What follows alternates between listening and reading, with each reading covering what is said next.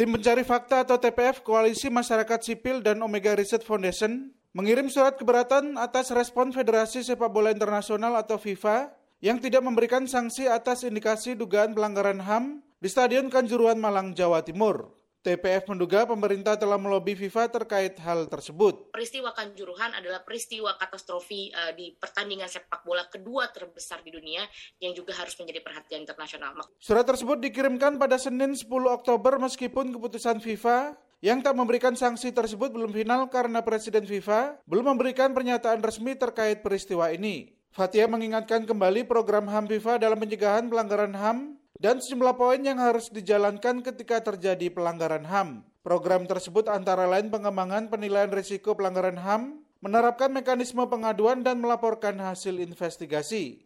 Di sisi lain, hasil temuan awal TPF Koalisi Masyarakat Sipil menduga telah terjadi tindak kekerasan secara sengaja dan sistematis oleh aparat keamanan. Koalisi juga menilai telah terjadi pelanggaran sejumlah aturan Polri tentang HAM dan penggunaan kekuatan dalam tindakan kepolisian. Selain mendorong FIFA, koalisi juga mendorong pemerintah untuk mengambil tindakan yang tepat guna memberikan pemulihan bagi korban dan keluarga korban. Di sisi lain, Komisioner Komnas HAM BK Ulung Hapsara mengatakan, tim Komnas HAM telah melakukan pemantauan dan penyelidikan langsung ke Malang terkait tragedi Kanjuruhan pada 2 hingga 10 Oktober 2022.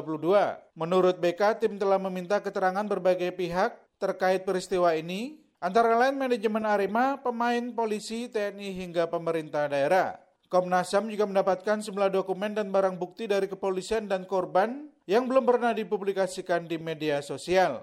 Pekan lalu Presiden Joko Widodo menyampaikan melalui akun YouTube Sekretariat Presiden bahwa Indonesia tidak mendapat hukuman FIFA menyusul peristiwa di Kanjuruan yang menewaskan 132 orang dan menyebabkan 600 orang luka-luka. Pemerintah telah menerima surat dari FIFA terkait putusan ini yang ditandatangani Presiden FIFA. FIFA selanjutnya bersama pemerintah akan membentuk tim transformasi sepak bola di tanah air. Dari Jakarta, Sasmita Madri melaporkan untuk VOA Washington.